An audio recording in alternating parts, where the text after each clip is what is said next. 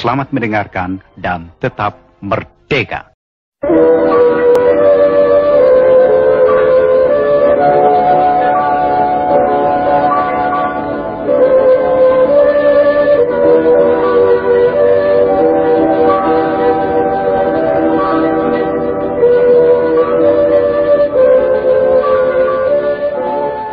Bismillahirrahmanirrahim Assalamualaikum warahmatullahi wabarakatuh Berjumpa kembali dalam pembelajaran ekonomi kelas 11 Masih membahas tentang perpajakan Sebelum kita memulai materi pembelajaran hari ini Saya mengingatkan kembali bagi kalian yang belum mengumpulkan tugas-tugasnya Segera untuk mengumpulkan karena akan segera di input pada program Axis.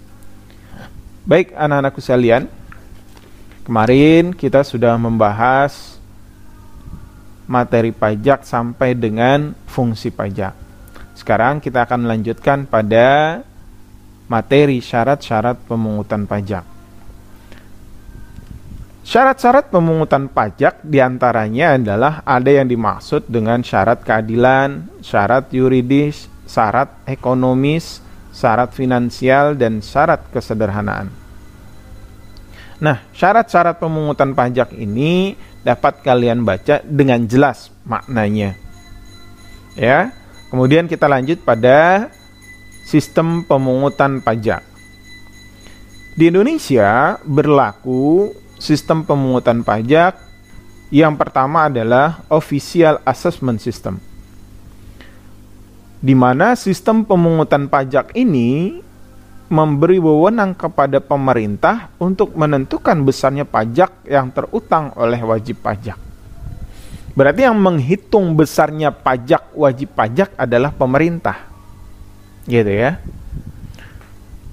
Ada miss gak? Kemungkinan ada miss ada kesalahan dalam perhitungan. Akan selalu ada.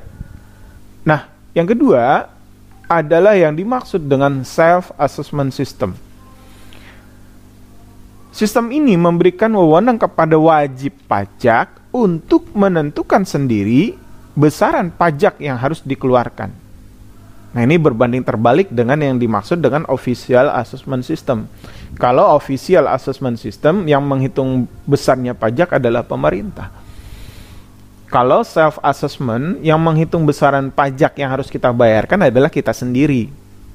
Wajib pajak. Yang ketiga adalah withholding system. Nah, withholding system ini adalah kolaborasi antara official assessment system dan self assessment system yaitu yang menghitung besaran pajak adalah pihak ketiga. Biasanya adalah konsultan pajak.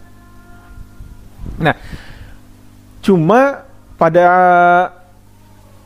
sistem pemungutan pajak ini ada sebuah cerita yang menjadi pembelajaran buat kita yaitu kasus Gayus Tambunan.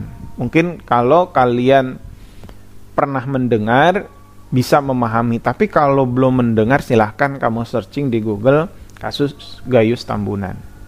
Gayus Tambunan ini adalah seorang pegawai pajak yang memanipulasi atau mengkorupsi besaran pajak yang harusnya diterima oleh negara. Hal ini terjadi karena adanya mekanisme yang berlaku di Indonesia. Kita mengenal yang namanya self assessment system. Kita menghitung besaran pajak yang harus kita bayarkan. Sebagai manusia normal, ya, wajib pajak baik itu pribadi maupun perusahaan kalau menghitung besarannya pajak, berarti mereka selalu ada indikasi untuk bayar pajak jauh lebih murah ketimbang yang harus dibayarkan. Gitu kan ya?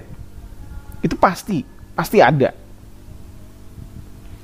Kalau besaran pajak yang harus dibayarkan setelah dihitung-hitung adalah 5 miliar, gimana caranya bayar pajaknya itu enggak 5 miliar? Kira-kira seperti itu. Nah akhirnya kita contohkan misalnya PTA setelah dihitung pajak yang harus dibayarkan adalah 5 miliar. Kemudian berpikir gimana caranya untuk bayar pajak jauh lebih murah. Dikurang-kurangin, dikurang-kurangin, akhirnya muncul angka 1 miliar. Berarti manipulasi. Gitu ya. Distorkan kepada pemerintah. SSP-nya, surat setoran pajaknya. Diterima oleh pemerintah.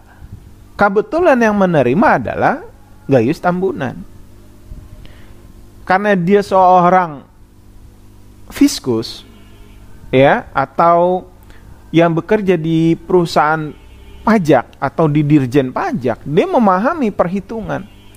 Dihitung kembali dan ternyata angkanya sama. Berapa angkanya? Angkanya adalah 5 miliar. Berarti ada selisih 4 miliar. Ditegur, Anda harusnya bayarnya 5 miliar. Kenapa Anda bayarkan atau tercatat di sini adalah satu miliar? Nah, inilah kebobrokan yang terjadi karena sistemnya yang tidak valid. Sistemnya yang tidak akuntabel. Akhirnya terjadi negosiasi. Benar, saya harus bayar 5 miliar, tapi bisa nggak saya bayar 3 miliar saja, distorkan ke negara 2 miliar, Anda ambil 1 miliar. Gitu kan? Coba bayangkan, dari satu perusahaan 1 miliar. Maka besaran yang didapatkan luar biasa. Dan ini terjadi, negosiasi-negosiasi ini terjadi. Gitu ya. Akhirnya dibayarkanlah 3 miliar dengan asumsi 2 miliar distorkan ke negara, satu miliar lari ke kantong pribadi. Nah ini pernah terjadi di Indonesia dan ini kasusnya kasus besar. Karena apa? Mekanisme yang ada di Indonesia tadi saya bilang belum valid dan belum akuntabel. Maka setelah kasus itu pemerintah menggunakan pembayaran e-billing namanya. Ya, elektronik. Ya, jadi sistem yang menghitung. Tidak bisa dimainkan. Oke, kita lanjut pada materi mengenai asas pemungutan pajak. Ada yang namanya asas domisili. Adalah cara pemungutan pajak yang dilakukan oleh negara berdasarkan tempat tinggal wajib pajak. Jadi kalau ada orang luar negeri bekerja di Indonesia dan dia bertempat tinggal di Indonesia, maka dia akan bayar pajak. Kepada siapa? Kepada Indonesia karena dia bertempat tinggal di Indonesia. Yang kedua adalah asas sumber. Ada orang Indonesia ya, tinggalnya di Amerika. Ya. Kemudian dia punya pekerjaan di Indonesia, punya usaha di Indonesia. Yang dimaksud dengan asas sumber adalah pemungutan pajak yang dilakukan oleh negara berdasarkan siapa pun yang memperoleh penghasilan di Indonesia akan dikenakan pajak sekalipun tempat tinggalnya di luar negeri itu. Berarti tetap dikenakan pajak. Walaupun dia tinggalnya di luar negeri. Contohnya apa? Contohnya Google misalnya. Dia punya bisnis di Indonesia, tapi Mark Zuckerberg-nya di kantor pusatnya di Amerika, maka tetap dikenakan pajak oleh Indonesia.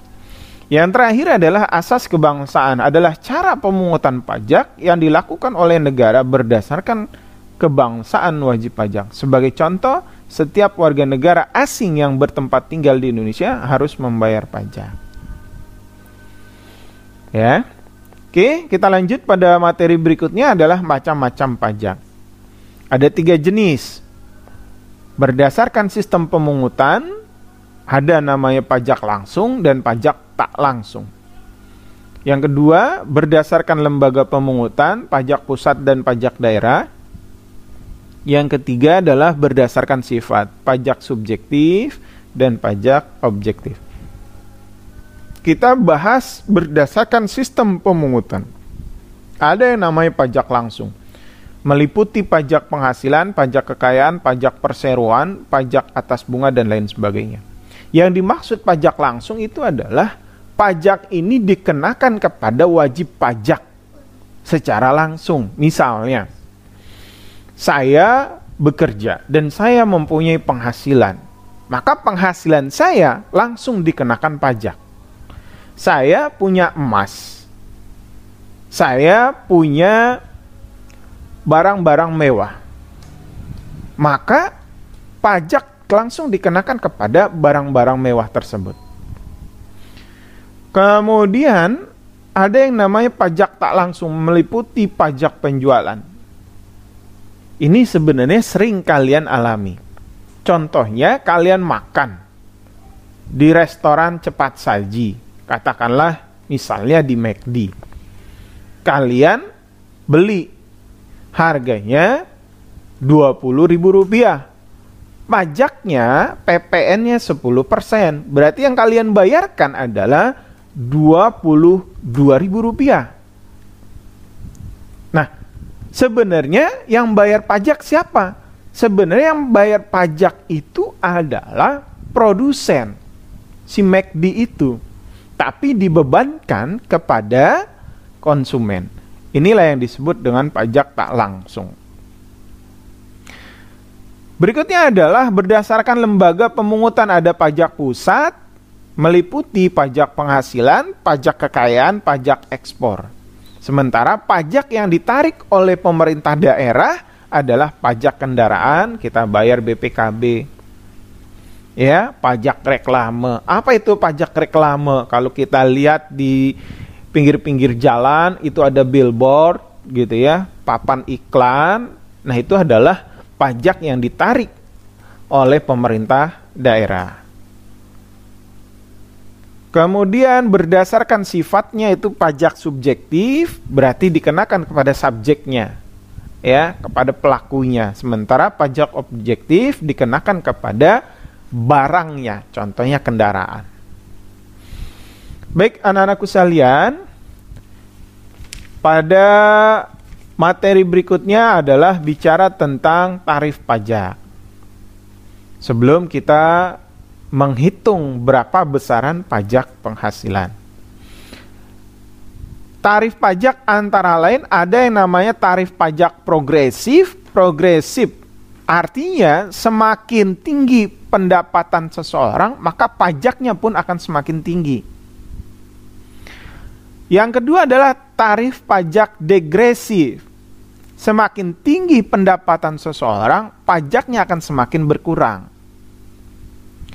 Kemudian tarif pajak proporsional.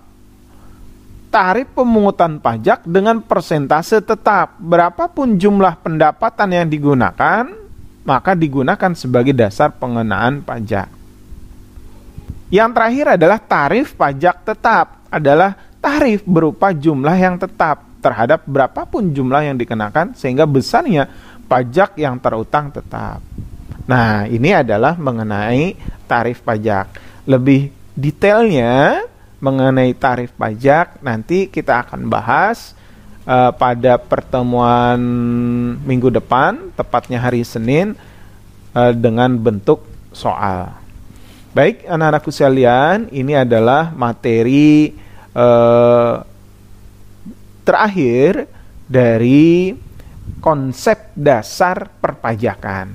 Mulai minggu besok kita akan belajar bagaimana menghitung pajak penghasilan dan pajak bumi bangunan. Akhirnya, sebelum saya mengakhiri kegiatan ini, jangan lupa untuk melakukan presensi keaktifan dan jika ada pertanyaan, silahkan kalian bertanya di forum classroom yang sudah saya siapkan. Mudah-mudahan pembelajaran hari ini dapat dipahami dan dapat dimengerti. Saya akhiri bila taufik wal hidayah. Wassalamualaikum warahmatullahi wabarakatuh.